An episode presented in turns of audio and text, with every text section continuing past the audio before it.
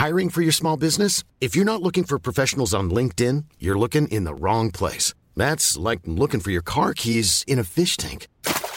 LinkedIn helps you hire professionals you can't find anywhere else, even those who aren't actively searching for a new job but might be open to the perfect role. In a given month, over 70% of LinkedIn users don't even visit other leading job sites. So start looking in the right place. With LinkedIn, you can hire professionals like a professional. Post your free job on linkedin.com slash people today.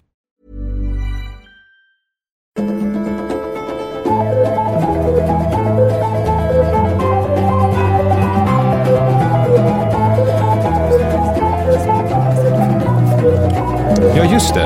Eh, Spännande. Hallå, lololo! Välkomna till. Utvecklingssamtalet. Vet ni att det är avsnitt 20? Ja, det är kul. Det är, Det är kul. väldigt Det är roligt. jubileum. Det är firande. Vi ska ju fira. Det ska vi fira. det? Men Ann, Ja, vi ska ju snorta rysk kaviar från handflator och sånt där, har vi pratat om. just det, det ska vi göra. Och dricka, vad är det du vill ha? Fanta Lemon? Eller vad heter det? Eh, Zero, eller San Pellegrino Limonata. Någon citronläsk, absolut. Jag måste bara fråga, för att eh, det finns ju en, en, en kompis i min närhet som nu eh, tycker att han klarar av att dricka. Ja, ja, det är Ah, vanligt. ah, han, han har ju liksom snortat med massa kokain och supit som ett svin. Ja. Och, eh, nu tycker han så att det är så tråkigt att inte dricka med sin tjej. Så nu har han börjat dricka igen för att han känner att han har kontroll. Har han det då, tycker du? Det går ju liksom snabbt när man är ute med honom eller på någon tillställning. Det går ju snabbt från 0 till 100. Fortfarande alltså? Ja. Hur länge var han nykter då? Eh, sex år. Okej, ja, men för det finns ju många sådana exempel. Några kända som vi ju kan prata om. Dels så är det ju eh. Ulf Lundell Ja. Ja, som eh, väl gick ut för...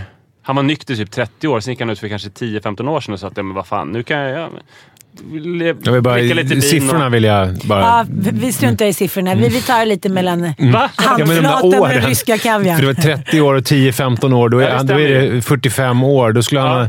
då skulle han alltså blivit Slutat när han var nykter. 25 års åldern. Nej, Nej, alltså han hade ju sina... den En, en krökade i hela 40-årsåldern. 80-talet. Han Okej. slutade dricka på 90-talet någon gång. I alla fall, han var nykter i källor. decennier och sen så eh, för 10-15 år sedan så berättade han att han drack lite vin. Och nu har man ju märkt att det inte alltid går superbra. Han åkte ju dit för grov rattfylla alldeles Mm. nyss. Det är ett tydligt Och- tecken på att, inte, att man inte riktigt har kontroll ju. Om det inte är så att man bestämmer innan att jag ska ha fyra promille och eh, köra, Köra bil, ja. Eh, för då Det kändes ju lite som att det var så. En annan som var ju, eh, och han är supernykter nu, eh, det är ju Per Holknekt. Det var ju ett stort Ja. uppslag om honom i Aftonbladet och det kanske var fem år sedan. Jag känner en alkis som blev skitglad över det här. En Men du alkis. honom nu? Nej, Nej, nu, nej, det var som att du citerade intervjun. Nej, Per, Holknekt sa att det- han, nu dricker jag igen, det är klart jag ska kunna göra det. Det är svinbra. Jag älskar det. Och jag känner då en eh, då nykter alkis som blev jätteglad när han läste det. För han tänkte, men fan, om Per Holknekt kan så kan väl jag. Eh, underbart. Och tog ett hyedan stort, eh, ett episkt återfall. Och sen så två veckor senare så hade han ju skilt sig från Lena PH och berättat att det var kaos, han Ah. drack och allting sånt där. Så att, eh, och sen finns det säkert exempel på folk som har lyckats väldigt bra. Men det är många som inte lyckas så bra. Så att när någon... Nu ska jag spela en som du inte fått höra, Amanda. Återfallskingen! Återfall! Återfall! Vad är det här för någonting? Det är en eh, sketch som, jag, som vi har pratat om i Pappapodden, men som jag inte lyckats spela upp. Det är, eh, han, eh, han är lite kontroversiell ju, Mr Cool. Ja, ja. Ja, han gjorde en, eh, det är en sketch när, eh, som Nisse Hallberg la upp på sitt Instagram. eh, När de sitter på en bar och sen så är det en kille som ska ta ett återfall. Återfall! Återfallskingen! Ja. Som att det är så något bra. Det man kan konstatera att när folk som har varit nyktra aslänge säger såhär, men jag, jag dricker ett glas vin här och där nu och det går jättebra. Så kanske det stämmer och kanske inte. Men du var lite sugen i fredags var det ju. Ja, Ja, på, du mästade du mig mycket att det var... Klirrar i kassan, Systembolagskassan och sådär. Mm. Mm. Så att det kanske är en trend. Jag ser alltid har- i t-shirten nu. Men vi har, ju gått, vi har ju gått från eh, det här eh, nyktra. Det går väldigt fort ju nu för tiden i samhället. Alltså vi har gått från det här att det, alla skriver böcker om att de är nyktra och det är, att de är alkoholister och så vidare. Hanna Hellquist skrev sin krönika och blind, inte Blinda Olsson, vad heter hon? Eh, i- Rebecka. Rebecka Åhlund. Skrev sin bok. Men då kanske nu har, Fantastisk bok. Jättebra, men då kanske nu har pendlat över. Det går ju så fort, så att nu kommer en motrörelse. Nu är det att, eh, modernt att återfall! Öl. Jaha, Ja. nej men vadå en bok och en krönika? Oj. Nej, men Det, jag det tror- gör ingen sommar heller. Min längtan efter att dricka tror jag har det helt Anders att göra Lock med... också. Våren. Ah, För mig har det ju helt att göra med att jag jobbar tillsammans med en av Sveriges få alkoholinfluencers, Nisse Edvall. Yes. ah, ah. Det är ditt fel som om står du på blir torr. barrikaderna. Har spons av eh, Highland Park Whisky och eh, olika Hernö-gin och sånt där. Det är väl så att det finns väl ingen. Alltså det här är väl som, de, de, har väl ingen annan som tackar ja till alla de här grejerna. Så att det, det är väl mig de skickar till. Då. Ja. Men, men du står för det? Ja, det är klart jag gör.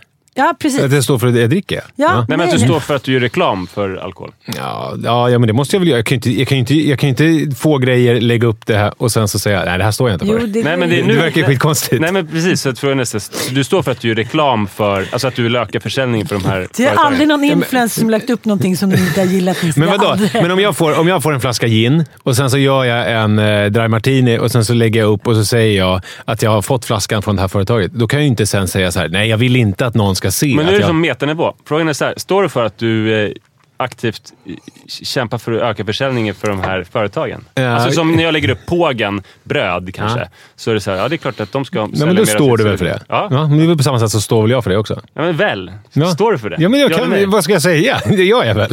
Ja, men. Fan, Det gör han väl. Men- Det här funkar inte. Jag läser frågan istället. Nej, nej, nej, det gör vi inte alls. Vi måste höra. För innan vi började spela Nej, jag in... måste berätta en annan grej. Någon grej som stör mig något så djävulusiskt oerhört när vi ska gå in på det här, kan man vara nykter eller inte?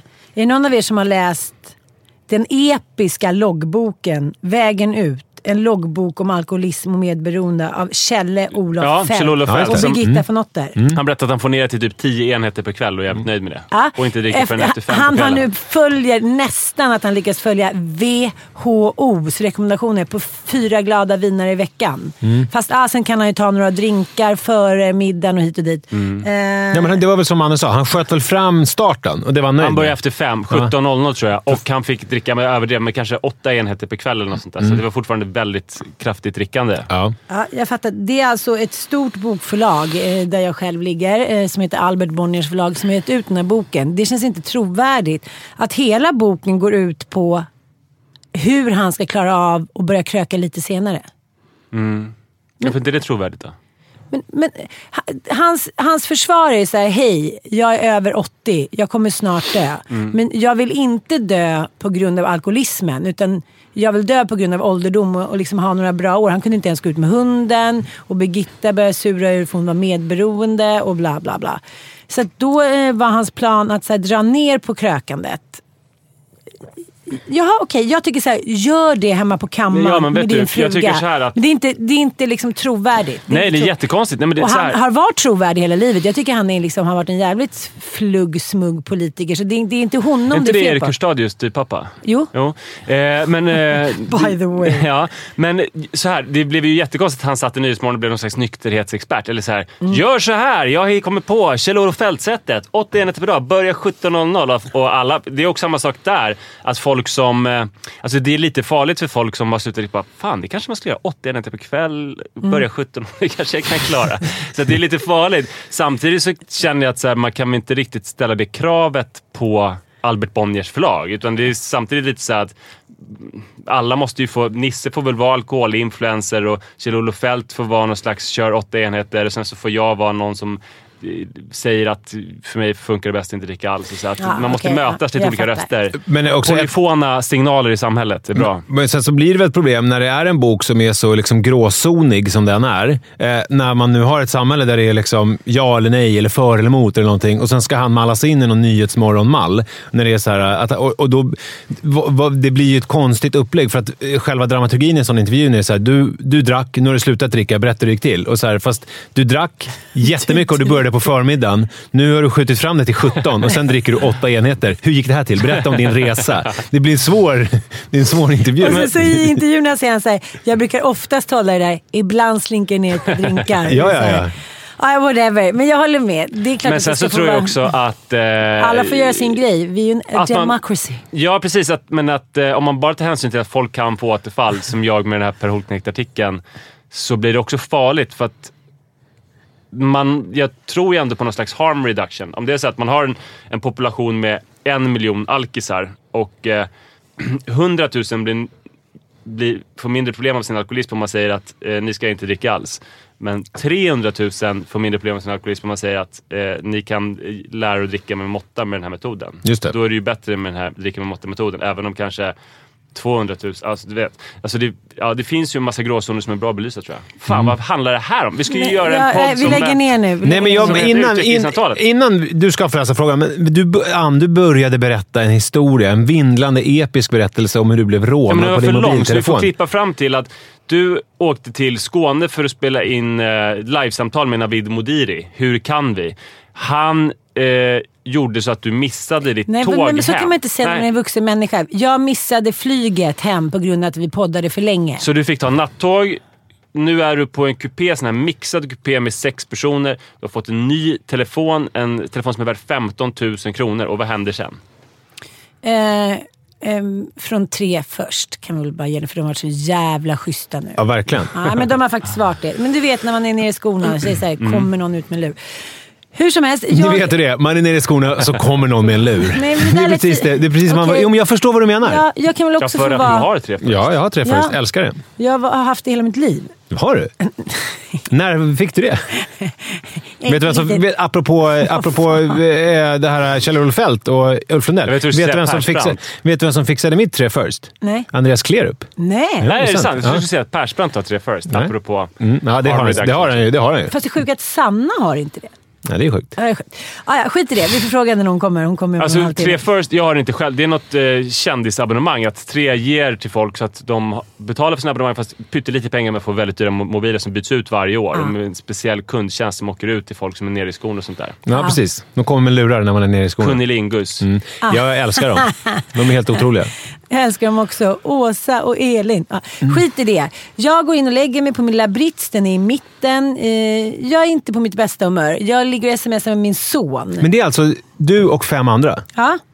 Och det är helt fullt. Så de är så här, han som sitter där som är lite trevlig i så här, sportig dunis, han är så här: wow fick du biljett? Jag, jag, eh, jag köpte för flera veckor sedan och så här, du har väl öronproppar? Jag säger nej jag har ingenting, typ, jag vill gå och lägga mig. Så ligger jag sms med min son som och klagar då på den här snubben som snarkar och han är så här, men mamma det är för fan inte first class och hit och dit. Jag är så här, just idag hade jag velat sova lite.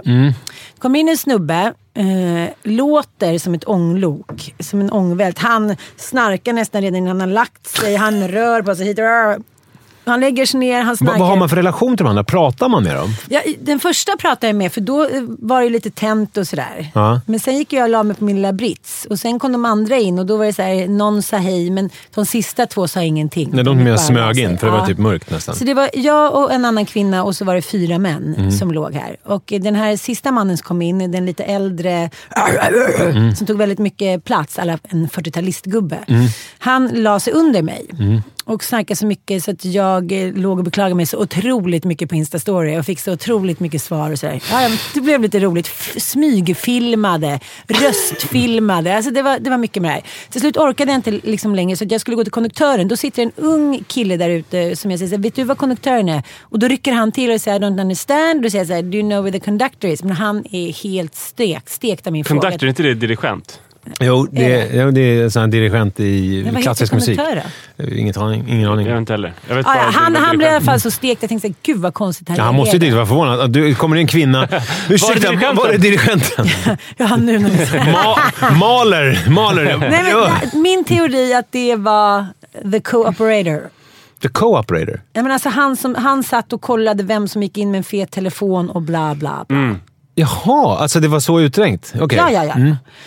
Jag går in, eh, lägger mig och sover, kan inte sova, går och hämtar öronproppar, lyckas somna, lägger mig på telefonen för jag tänker så här, det är ändå, ja, då är vi ändå många människor här. Vaknar av att Går ut, eh, jag vaknar till lite, tåget stannar, jag ställer mig upp och börjar fixa. Det är jag och den där tjejen kvar och min lur är borta. Nej. Jo. Som jag har legat på. Mina skor är borta, min dator är borta. Ja, Men herregud, skorna. Ja, så att jag då inte ska springa efter. Ja, smart. Där står jag då utan någonting med Var var du då någonstans? På Stockholm central. Ja, Okej, du hade kommit fram till Stockholm då? Ja. Ja. Träffade någon gullig tjej som lånade ut sina skor till mig. Hon bara, jag har ett par extra skor så du kan väl komma förbi på mitt hotell och lämna dem sen. Går hem i morgonen i ett för, för, för små skor som inte lyckas dra upp. I några långkalsonger som jag sovit i. Utan någonting. Så förnedrad.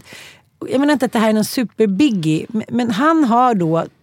Jag vet inte hur, hur Men de du tror gör. att liraren utanför snodde den? Nej, sätt? jag tror han under snodde den. Snarkgubben? Ja. 40-talistgubben? Ja. Jaha, varför tror du att det var han då?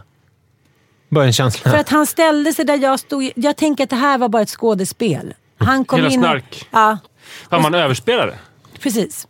Så att Mm. man skulle liksom all luft och sen när han ställde sig upp och började låta så skulle inte det vara något konstigt. Utan det skulle vara Ja, ett kroppsminne i mig att säga ja, ja. Då skulle inte jag vakna. Mm.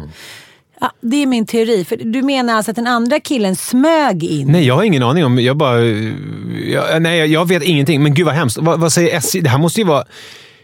Så här kan det inte vara. Nej, och då tänker jag så här, ursäkta, då fick jag massa DM med en tjej som var så här, ja men på 90-talet när min mamma och jag skulle åka upp till fjällen så kom det in lite män och min mamma låste och skrek så här, inga män in hos oss och konduktören försökte, men det är en mix, liksom, det är aldrig i livet. Så att vi satt där inlåsta under hela resan och den där stackars männen fick sitta ute i korridoren. Nej, jag, jag, jag är inte den som är den. Men det kanske inte är så jävla bra att ha mixed vagnar. Jag menar inte att, att, att det är en, kanske, en kvinna skulle såklart kunna... Men det kändes liksom inte tryggt. Och då berättade hon som lånade ut skorna till mig att hon och hennes kompisar hade varit eh, och åkt tåg i Italien. Det hade kommit in en farbror som sa Sara, it's fully booked. Eh, och sen på morgonen så hade hennes tjejkompis varit av med alla ringar på båda händerna. Armband, halsband. Alltså då, liksom, det är ju en konstform. Det är ju som vilket trolleritrick som helst. Ja, gud ja. Men det här med sovkupé. Jag tänkte på det, för vi eh, åkte upp till Åre. Eh, men då hade vi ju en egen kupé. Och jag Ja. tänkte så här, gud vad intimt det här är. Ja. Om man skulle sova här nu med massa andra människor. Nej. Vad säger du, Manne? Jag, Du är mållös, eller? jag har inte sovit med någon annan någon gång. Eh, jo, det har jag ju för, att- alltså, i min ungdom. När jag tågluffade. Inte railade. Men eh, det gick bra. Det, mina stora problem var ju vad jag skulle göra med knarket när det kom på konsulanter och sånt där. Mm. Vad hade du? Hade du svalt det? Magnesylburken. Men eh, det var ingen som de tog upp och skakade på magnesylburken. Alltså, alltså. Men de öppnade inte.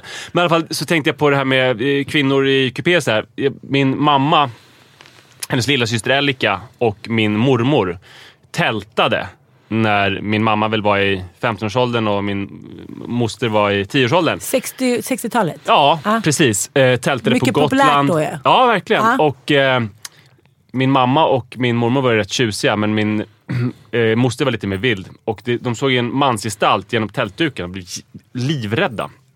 Min mamma och min mormor. Alltså fullkomligt livrädda. De satt och åt salami och hade det trevligt. Det var inte som i Pelle och ficklampan att det bara var ett träd eller? Nej, det var nog en mansgestalt längre bort. Men de blev livrädda och, och sa det då till mostern som var tio. Men då sa mostern Elika, äh, vi slår honom i lökballen.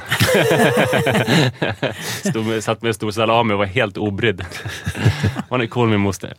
Helt annorlunda än andra. Men vi har fått ett dilemma. Men grejen är att jag måste bara, jag måste gå in lite i det här. Människor som är sådär coola. ja, ja. För antingen kan man råka ut för grejer och bli rädd. Och, och bli, jag menar så, eller också kan man ta till sig så här. Ja, men vad som inte liksom dödar mig stärker, ja, men, stärker mig. Jag undrar hur man, mitt ex är också lite sådär. Slå honom i lökballen Nej men lite mentaliteten. liksom, Det ordnar sig. alltså född cool. Och det har ju... Men eh, får jag fråga en sak? Har ditt ex... Visst har han... eh, Apropå lökballe. Har inte, finns det inte ett storkukslugn i honom?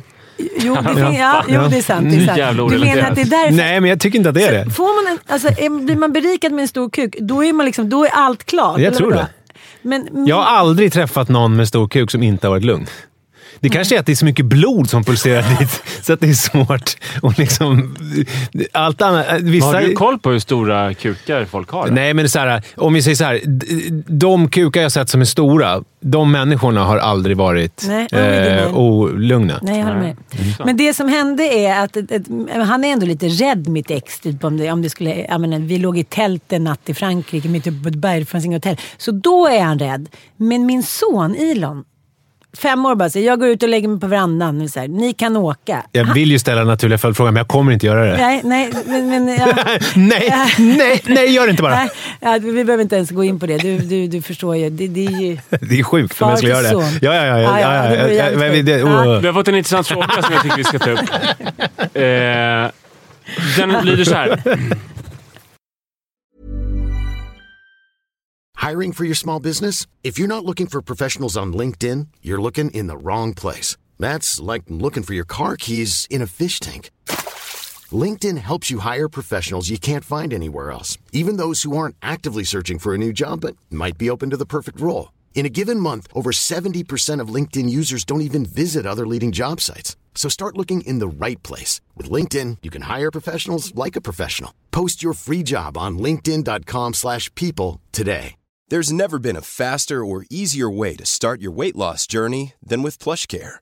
PlushCare accepts most insurance plans and gives you online access to board-certified physicians who can prescribe FDA-approved weight loss medications like Wigovi and Zepbound for those who qualify. Take charge of your health and speak with a board-certified physician about a weight loss plan that's right for you. Get started today at plushcare.com slash weight loss. That's plushcare.com slash weight loss. plushcare.com slash weight loss.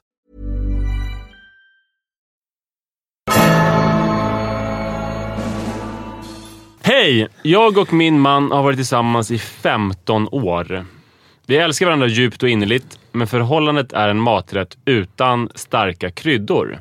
Ingen tungtinglande Sichuanpeppar Nej, men eller Det sriracha här är precis. hittepå-brev. Va? Är det någon som har skrivit det här? Ja, En tungflingande Sichuan-fling. eh, nu avbryter du för vi har inte kommit fram till... Eh, förlåt. vi älskar varandra djupt och innerligt, men förhållandet är en maträtt utan starka kryddor. Ingen tungtinglande Sichuanpeppar eller sriracha precis.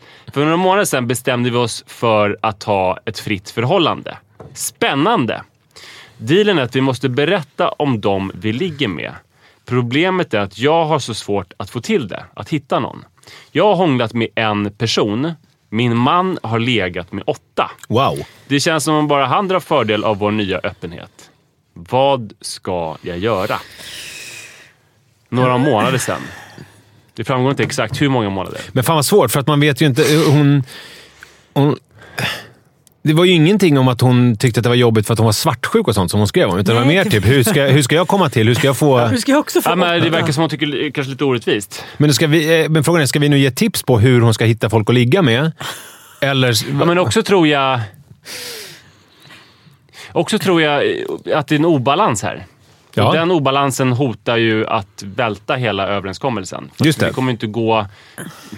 En god Det vän kommer inte till gå att mig fortsätta om det är gjorde så här precis obalanserat. det här. Ja, fast det var tvärtom. Att hon låg hela tiden och han fick inte komma till. Nej, precis. Så hur, hade de också att de berättade för varandra? Eller? Nej, nej, de berättade inte. Men, men om man kommer hem liksom sex dagar i veckan, sex på morgonen från ett hotell med typ en rik liksom, Men- snubbe. Vad- jobbigt att det går så fort. Att man, så här, man har en deal om att vi kanske ligger med andra och sen så bara ja, och sen så är man borta sex dagar i veckan till sex på morgonen. Hon skaffade sig en älskare liksom. okej, ja. Vilket då blev lite Men mer fast. frekvent. Ja, annars kan det ju vara så här, ja, det här är ju ett tag sedan, så det kan ju faktiskt vara så att man rumlar hem vid femtiden eller tretiden. Det kan ju hända även idag, vissa eh, ovanliga kvällar. Så då, då det för kan man, dig? nej, men, nej, inte ofta, men någon gång händer det väl. Någon Ja, du är ute, ja. Jo, men det vet jag. Jag har sett på Instagram Ja, att du nej, men jag har dina kvällar. Om jag kommer över den där pucken och kanske barnen är borta, så då kan jag köra på. Eh, inte så ofta, men, men då och då. Så då blev det liksom, ni vet att man hela tiden le, lever självbedrägeri. Så att om den andra kommer hem runt tre, då kan man ändå tänka så här, ja men hen hade bara ut, var bara ute och hade kul. Just det. Då kan man släppa den tanken lite. Men om den kommer liksom sex i finkjolen och inte verkar alltför packad och så här, man förstår. Ja, just det. Ja. Nyduschad och... Ja, men lite så liksom. Då, då vet man att det är något i görningen. Så att det tog ju slut. Okej, det tog slut. Det tog slut. För det är väl det som jag tänkte på när jag hörde det här. Att när man fattar sådana här beslut, alltså att man ska ha öppet, sådär som de har gjort. Någonstans måste man ju tänka tanken, vad händer nu? Alltså, för det, det, det kan ju vara kittlande att umgås med tanken. Men jag vet att det var väl förra veckan som vi var inne på det här, Ann, eh, med att eh, en relation är ju det här eh, vardag. Alltså det här att man, att, man, att man är nära en annan människa. Det är lite dålig andedräkt, det är lite flottigt hår. Det är, liksom, det är de där snabba, hastiga kramarna i hallen. Eh, men att det är så lätt då att spegla sin annan människa eh, som man träffar som en ny människa. Och då kan man se, som man har pratat många gånger om det här, då ser man det fina hos sig själv. fusk. Att det är lite fusk ju. Eh, så att när man, Absolut, om man nu absolut. Fast det här kanske är mer kötsligt ändå. Jo, men om man drar igång en sån här öppen relation-grej så kan det ju bli att man kan ju också skapa någon slags monster av relationen. Alltså att det, här, att det här som är lite tråkigt och går i slentrian, att det kanske inte... Då kanske det här med att skaffa en öppen relation snarare är ett sätt att, att långsamt ta slut på relationen. Istället Fasa för det. att... Fast jag förstår inte den utfasningen. För att om man ändå har haft någonting fint och så, liksom, så började man käka liksom fläskmos istället för Sichuan Mm, min favoriträtt. kyckling. Ja, då förstör man. Då känns det ju som i långa loppet om man avslutar med monstret. Då blir liksom Nej, men här är det inte alls mycket- att de börjar käka fläskmos. Det är ju så här att de, har, de älskar varandra djupt och innerligt och har en jättefin relation. Där de är så trygga med varandras känslor för varandra så att de kan söka Sichuanpepparn, eh, den Så det, då är frågan helt liksom enkelt så här, hur ska jag också få ligga med så här många när han får det? Ja, det, så blir det. Och, men också så här, en fråga som jag tycker vi kan ta upp, men som hon inte har ställt, det är hur mycket olikheter klarar ett öppet Mm, förhållande? Men om hon bara lyckas ligga med tre då på en tre månaders period, ska han kanske dra ner lite också då? Det På ett sätt gör ju han helt idé. rätt. För att jag tror att det farligaste är ju så här, ja, nu har vi öppet förhållande, ja men då blir jag förälskad i någon och, och sover hemma hos någon på nätterna. Han ligger ju, och det är ju exakt det de ska göra. Men han kanske borde dra ner och coacha henne och liksom komma upp i lite större nummer. Wow, Eller? det här låter ju helt fantastiskt. Det verkar inte som de har några barn tycker jag. Och han verkar ha mycket tid att vara ute och ligga. Ja, eller så är han bara väldigt snabb. Men, men jag tycker att det känns lite själviskt också. För att om jag och min Från henne man... eller från han? Nej, från hans sida. För om jag och min man älskade varandra så djupt och innerligt som Zejuan-peppar, då skulle jag kanske känna så här.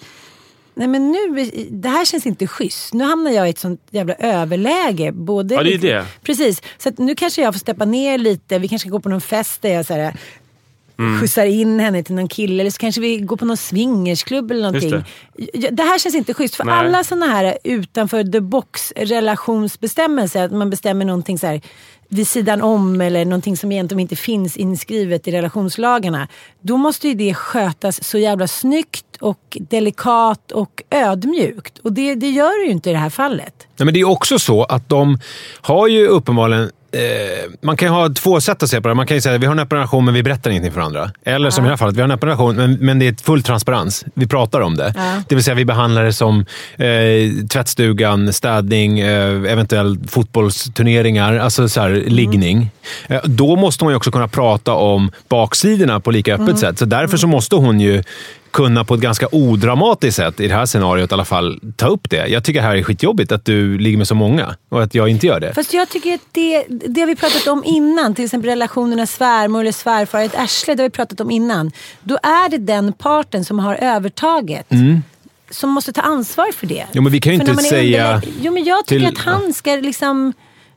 Ja, men hur, ska hon, hur ska han få reda på det? Vi har ju bara henne på tråden här. Det är hon som har ställt frågan. Jo, men jag tycker Men att kan han hon ska inte bara säga utan det. anklagelser så här att, eh, att det känns som det finns lite obalans i våra Men det här är väl en kvinna som har... Ja, precis. Ja, ja. Att hon säger till honom att det finns en liten obalans i våra Ja. liggnummer. Kan vi, kan, vi, eh, kan vi göra något åt det? Det var det jag menade också. Att, det, att, att det ska behandlas på ett odramatiskt sätt. Att det, inte, att det inte ska vara något liksom... ehm, Så, så det är första så här, eh, ja, utvecklingssamtalet som är vi, vi Ja. ser ditt problem. Det, Ja. det är ett problem. Ni, Ja. det är för stor obalans. Nummer två, eh, ta upp det, adressera det. Nummer tre, det är ju så här, hur ska man göra för att ligga med fler? Ja, just det. Mm. Och då tänker jag på alltså en grej. För när man är, jag vet inte hur det funkar. Det här, jag är ute på djupt vatten nu ju. Men om man är i en relation, då kanske man inte vill hålla på och skylta på så här Tinder och sådär. På det sättet. Alltså helt öppet. Eller, vill, eller gör, man, gör folk det? En kompis kille gjorde det när hon var jobbade i, i Spanien och det precis så ringde hennes kompis och säger Din kille som du förlovat med, han har precis lagt in sig på, på Tinder. Ja, precis. Men det då- där var jag med, det en känd, eh, väldigt känd person faktiskt, i vissa kretsar, som var ute på Tinder, som har varit gift sedan många år. Och det ringdes många krissamtal i det här ärendet när det upptäcktes.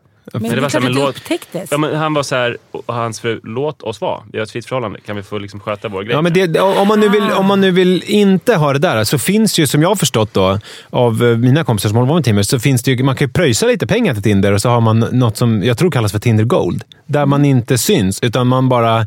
Man, man, det enda gången man syns är om man då swipar vad är det, höger eller vänster. Alltså när man gillar någon, då dyker man upp hos den personen. Men innan det så finns man inte, man finns, man är inte swipebar, så att man har själv kontrollen hela tiden över den.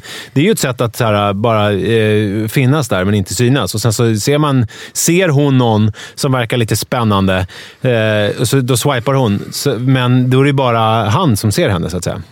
Men också vara tydlig då eh, på Tinder med att du vill ligga. Så att, det inte, så att folk inte... Så att Ja. det går lite, lite mer effektivt. Men sen också, ett, en väldigt bra metod det är ju att deep-lika snygga människor på Instagram. Just det. Jo, vi vet att du använder den metoden, men...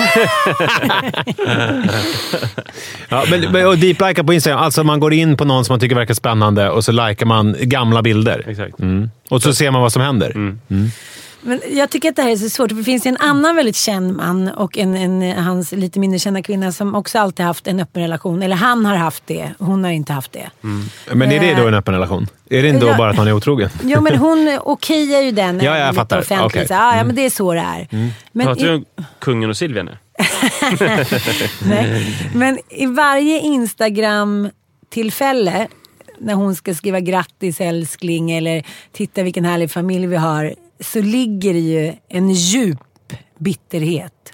Och liksom, eh, det är så många giftpilar som på ett snyggt sätt dekoreras i de här Insta-inläggen. Så att, Men då, då, hon vill inte att den ska ligga med andra. nej, jag tror inte det. Och det här tycker jag är så, så himla Men hur vet svårt. du att hon inte ligger med andra?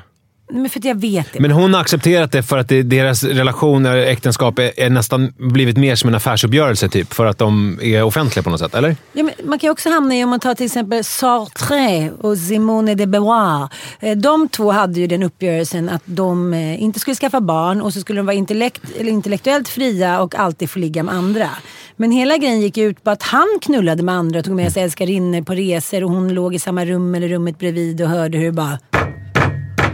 Och tänkte oj, det låter bara lite så här när vi gör.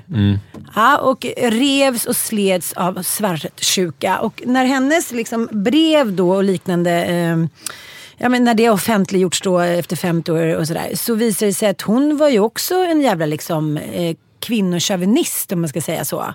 Hon hade ju relation med jättemånga av sina elever som hon behandlade som skit. Som hon såg till att de blev liksom på något sätt eh, känslomässigt attached till henne och sen så bara dumpade de Hon har ju aldrig erkänt det här men det finns ju massa korrespondens och sådär. Så, att, så att min teori är att det går inte att älska på ett överenskommet sätt som är liksom tvångsmässigt regelsatt av någon annan, så som kvinnor alltid har fått göra. Ja, men det är bara att ta Janne Kladd till exempel och eh, Frostenson. Alltså att se hennes ansikte är som att titta på en karta av lång, lång, lång liksom smärta.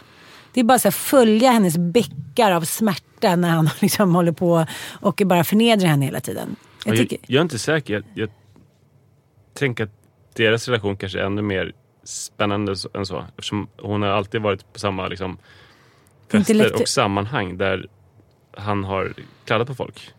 Jag tror också att det här är lite som eh, Kjell-Olof Feldts nykterhet. Att det finns eh, a lot of ifs and buts, som eh, The Dude skulle uttryckt det i eh, eh, Big Lebowski. Fast jag tror inte på det där. Jag har en gubbe som, som kladdar på mig och eh, det var då eh, framför hans fru när vi var på en fest för ett tag sedan. Och jag var så här, okej, eh, en gång till så här och jag går fram till din fru. Men vid tolvtiden så stack hon. Det var en överenskommelse. Då var hon som Askungen på bal. Då var hon borta och då var det fritt fram. Obs! Att jag inte eh, på något vis försvarade Jean-Claude där. Det enda som jag gjorde var att jag, jag tänker att deras relation, det där håller jag nog med Manne, deras relation är nog svår att uttala sig om eh, kategoriskt, att det var på ett visst sätt. Men det är ju en kärlekssadism. Som, som blir liksom som vilket medberoende som helst. Det är ju därför många, både kvinnor och män, inte lämnar sina liksom anhöriga. För att det blir... Jag tänker lite grann på Breaking the Waves, minns ni den? Ah, gud. Att, Björk. Ja, precis. Att eh, Stellans karaktär ligger... Han, är han invalidiserad? Jag minns bara en scen. Det är när han hotfullt säger att hon ska gå ut och ligga med alla. Du ska ligga med alla. Och hon gråter och, han, och vill inte. Men han liksom, du ska ligga med alla, jag kan inte ligga. Du ska ligga med alla. Alltså, Eh, du, du, måste, du nu bara liksom fladdrar förbi där. Han har råkat ut för en olycka Mm. Precis. och sitter nu i rullstol och kan Han ligger inte på ligga- sjukbädden och vet att han aldrig kommer kunna ligga Just eller det, gå. Mm. Eh, och hotfullt uppmanar henne att gå ut i världen och ligga med alla. Emily Watson. Eh, och eh, det är liksom inte så här, gud vad snäll jag är, som, utan det är väldigt obehagligt. Att han också så här, dels som ett självskadebeteende mot sig själv då, för att han inte kan ligga, men, men också att han går igång på tanken att hon ska ligga med folk. Och det känns som att Katarina Frostenson precis lika gärna skulle kunna vara eh, Stell, Stellans karaktär i Breaking the Waves. vet vi ju ingenting om ju. Nej men precis. Men så, så det kan... Nej, vi, Jag är inte- Men jag vi, vet ju vi det var- vet heller ingenting om, om, om att det är så att hon, att det är liksom att hon är en karta av, av eh, smärta. Men jag vet hur det var när jag eh, absolut inte alltså, var så gammal då, men då när Liv var otrogen när jag var 22-23. Alltså, det var, det var ju en sån, det är, ju- det är en sån blandning av känslor. Alltså, Man är sårad, man känner liksom ilska, man är förminskad, men samtidigt finns det ju något, alltså det här att man vill veta mer. Vad hände? Det finns, nästan, det finns ju något sexuellt i det också. Det är ju det som, det, är det som är problemet med... Alltså vi pratar om det öppna förhållandet och vi återgår till frågan. Alltså relationer är ju... Det är ju så jävla svårt ju, för att det, på pappret så, skulle man ju, så finns det en väldigt enkel väg att gå, men relationer är ju inte enkla. Det är ju, det är ju helt, det är knappt ju, och svårt. Ja, och en sak där då om... Eh, om man tänker utanför boxen som de skulle kunna göra då förut. Alltså, ja okej, då har vi, vi har Tinder och vi har Instagram och vi har det adresserar problemet. Men kanske att de ska börja ligga med folk tillsammans också. Du pratade om swingerklubb, eh, Ann. Men kanske är det så att de ska göra gemensam sak i liggandet. Han ligger med någon och hon är med på något sätt. Och kanske sitter på en stol och regisserar, kommer med lite scenanvisningar. Eller deltar i leken och sådär. Eh, Så att det finns ju fler lösningar där. Att de, att de är med på olika sätt. I Jo, men, varandras sexande. men, men det finns ju också att man kan skydda sig. Jag tänker på, eh, jag vet inte om ni har läst den här, min barndomskamrat Tom Malmqvist skrev ju den här I varje ögonblick är vi fortfarande vid liv. När han åkte in då till BB och det visade sig att hans fru har haft cancer så hon dör då eh, medan de tar, plockar ut deras lilla dotter Liv då i åttonde månaden. Ja, alltså, han tänker att nu ska jag bli pappa och vi ska bli en familj Ja. och så slutar det med att han, Han kommer hem, han kommer med hem ett ensam. barn men ingen fru. Ja. Precis.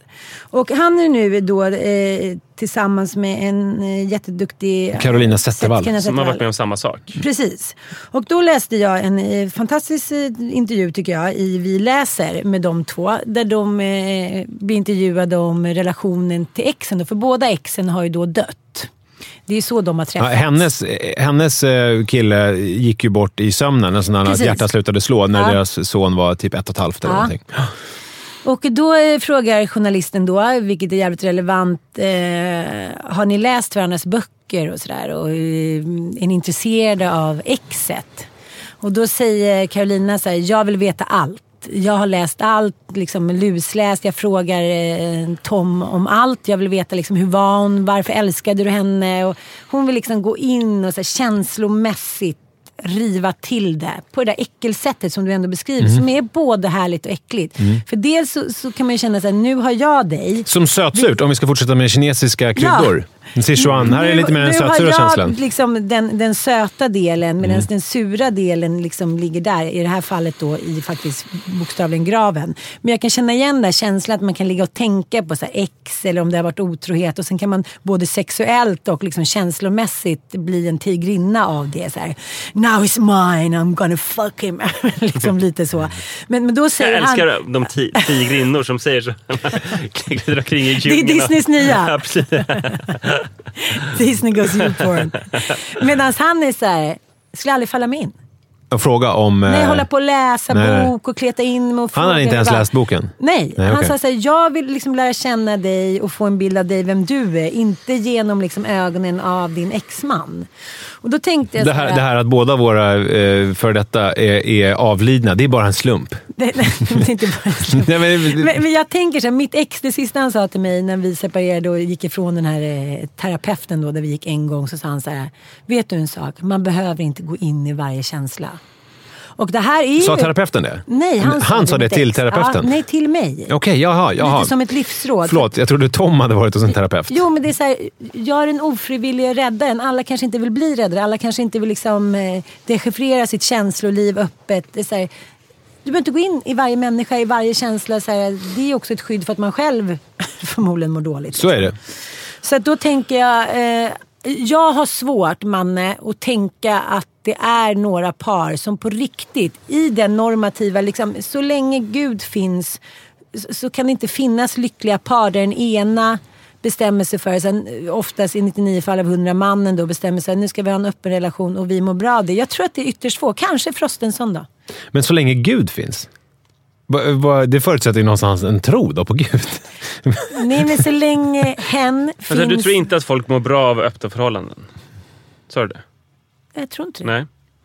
Jag tror så här, människor med liksom en hög så här, intellektuell stimuli tror jag mer kan gå ifrån. För en kompis till mig blev hårt dumpad och eh, jag kom förbi henne och sa hej hur är det? Hon låg och solade. Hon var så här, "Okej, nu skulle hon sola och bli brun. Det var hennes skydd. Och sen liksom skickade hon massa artiklar till mig där hon på ett sätt letade reda på eh, de bästa sätten att bota ett liksom, krossat hjärta. Och det var allt från så här, ja, men till intellektuellt hit och dit. Hon bara hittade en intellektuell väg ut tills hjärtat hade processat om lite så hon kunde kontrollera det. Och, och det, det kanske är samma sätt man får förhålla sig till om man, om man då är en, en väldigt högburen intellektuell. Att man klarar av att göra liksom skillnad på sak och person på något sätt. Nu vet vi inte om de är hög, högburna Nej, men jag, jag, det, enda jag säger, det är den enda gången jag faktiskt tror att det skulle kunna Att man lever funka. mycket i, i huvudet. Liksom. Ja. Eh, Ja, eh, Ja, men då, så men nu, alltså okej, då, då har vi ju dels... Det viktigaste tipset här som vi har är väl att om det nu är så öppet och de är så transparenta, då måste hon också vara transparent på ett odömande sätt. Ja. Att det liksom är... Inte offerkofta. Eh, nej, nej, att det är så här, vilken obalans det är. Hur ska vi göra för att det ska bli bättre balans? Alltså ta upp det så. Sen så hade vi några tips. hon är ju taggad på det här känns det ju ändå. Ja, Ah, visst. Och så har vi några tips. Då. Det var det här. Tinder Gold, eller vad det Ja. hette. Och det här Deep-lika på Instagram. Har vi något mer? Swinging. Ja, du är ju... Du, här, här, Ja, swinging och att göra det till ett gemensamt intresse att, eh, ja men fan om du ska ligga med de här härliga tjejerna, kan inte jag vara med då? På något vis. Om hon är intresserad av det. Jag tänker också Och att att de, att de raggar gemensamt. Precis.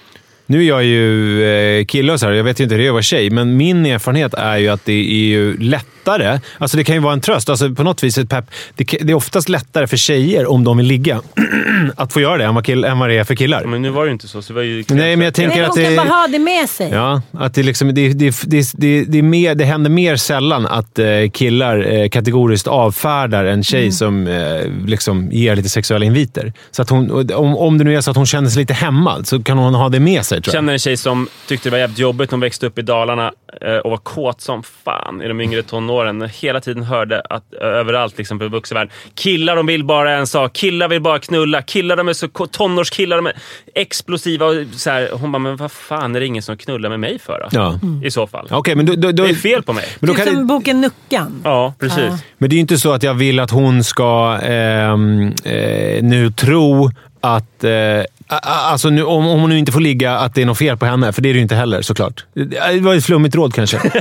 men förstår ni vad jag menar? Alltså det, det är ju ändå så, även om den här Att det nuckan... finns folk som vill ligga. Ja, Hon måste bara hitta dem. Men ni vet den där känslan ibland när mycket går emot en och så plötsligt så börjar man teama, teama upp med sin partner som man inte har teamat upp med på ett tag. Till exempel okej, eh, då bestämmer vi så här, man får bara en, då fixar vi det där och sen så unnar vi oss det här och åker på den där resan. Så börjar man planera och så börjar det växa in. Så här, det är vi, liksom, vi är ett team. Fan Eller när vad man härligt. flyttar och lyckas. Ja, precis. Jag tänker att, man, att de kanske ska se det på det sättet. Att hon ska se det på det sättet, precis som vi sa. Att de ska teama upp. så här. Okej, vi gör upp en plan. Liksom.